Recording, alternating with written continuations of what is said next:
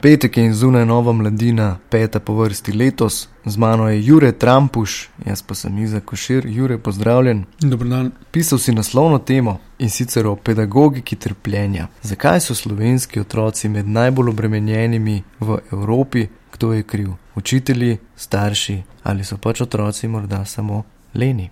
Te dni je po medmrežju zaokrožila neka anketa, ki so sestavili starši o tem, kaj je treba spremeniti v slovenskem šolskem sistemu. In ta anketa, oziroma peticija, ima, mislim, da že 20 tisoč podpisov, nekaj takšnega. Ne? In zahteve te eh, peticije so, milo rečeno, lucidne. Namreč eh, starši zahtevajo stvari, ki so strokovno sporne, stvari, ki niso koherentne, a hkrati jih ne moremo obtožiti, da ne zaznavajo težave. Ne. Eh, namreč stanje v slovenskem šolstvu, orientiral sem se predvsem na osnovno šolo, ni najbolj rožnato. Velika večina mednarodnih raziskav gre za gre za široke uh, znanstvene projekte, dokazuje, da so slovenski otroci med najbolj obremenjenimi med vsemi državami, ki to sodelujo. Recimo samo, samo 6 odstotkov slovenskih osmo, osmošolcev trdi, da so, mislim, da zelo radi v šoli ali nekaj takšnega. Ne? Poprečje je pa recimo tretjino in to ni edina raziskava. Zdaj temeljno vprašanje pa seveda, zakaj se otroci počutijo obremenjeni. A so res obremenjeni, imajo pretežke torbe, imajo preveč snovi ali so, kako pravijo, eni razvajeni ali pa so obremenjeni obremenjeni zaradi pritiska družbe oziroma pritiska staršev.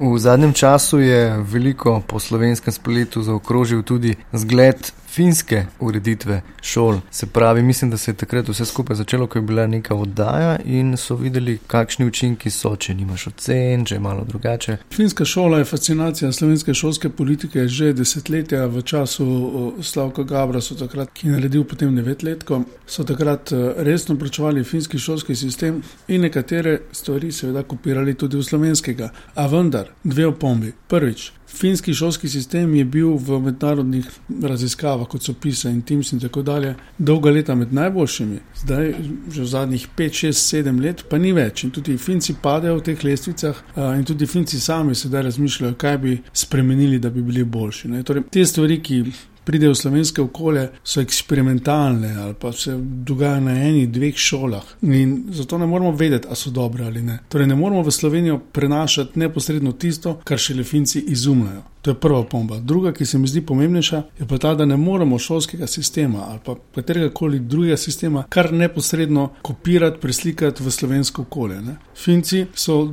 drugi narod, imajo drugačno kulturo, oni poznajo protestantsko etiko, tam je družba drugače organizirana kot slovenska. Ravno prejšnji teden smo imeli v mladini intervju z dvema Fincema, ker so rekli, da so Finci eh, srečni davkoplačevalci. Slovenci nismo srečni in tudi ne plačujemo radi davko. Tako da ideja, da bomo prekopirali en sistem neposredno v našo, našo državo, bo katastrofalna. V osnovi pa se strinja, da je treba slovenski šolski sistem spremeniti, oziroma na kakšen način bi morali k temu problemu pristopiti. Mislim, če dam en primer. Leta 2011 je pod ministrom Lukšičem nastala eh, nova bela knjiga, ki je bila sicer ni bila preveč ambiciozna, ampak vendarle so bile neke strokovne postavke, kako spremeniti slovenski šolski sistem. Večina stvari v tej knjigi ni bila niti izvedenih. Zdaj minister Pikalo obljublja novo knjigo, ne, poklical bo strokovnjake, poklical bo starše in tako dalje. Ampak ne bi bilo bolj pametno razmisliti, kaj se ni uresničilo, zakaj se ni uresničilo, preden spet daješ nove rešitve in nove pobude. Pa še nekaj se mi zdi pomembno. Ne. Mislim, jaz sem oče dveh otrok in vem, da šola ni šala. Niti v mojem času ni bila šola šala, zdaj pa še, še, še manj šala, kot je bila nekoč. Ampak vendarle, ne, če hočemo Slovenci biti najboljši na svetu ne, in če se hvalimo s tem, da smo dobri v mednarodnih um, analizah, ne, potem vendarle šola ne more biti lagodnost. Res pa je, da šola tudi ne more biti trpljenje. Ne, zato smo dali tudi naslov um, Pedagogika trpljenja, oziroma pasijonska pedagogika. Ne. Ni res, da se samo silo nauči, pa v tebe kaj v glavo. Hvala, Jure, za ta pojasnila. Povej še, kaj si lahko preberemo v Novi mladini. Kaj pa če bi ti povedal?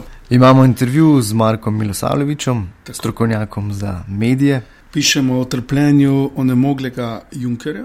Star zgodnik je pisal o Grimsovih krivuljah, to je zelo zanimiv članek, povej, o čem se gre. O tem, da je Grims geolog in da preganja neko črno mačko.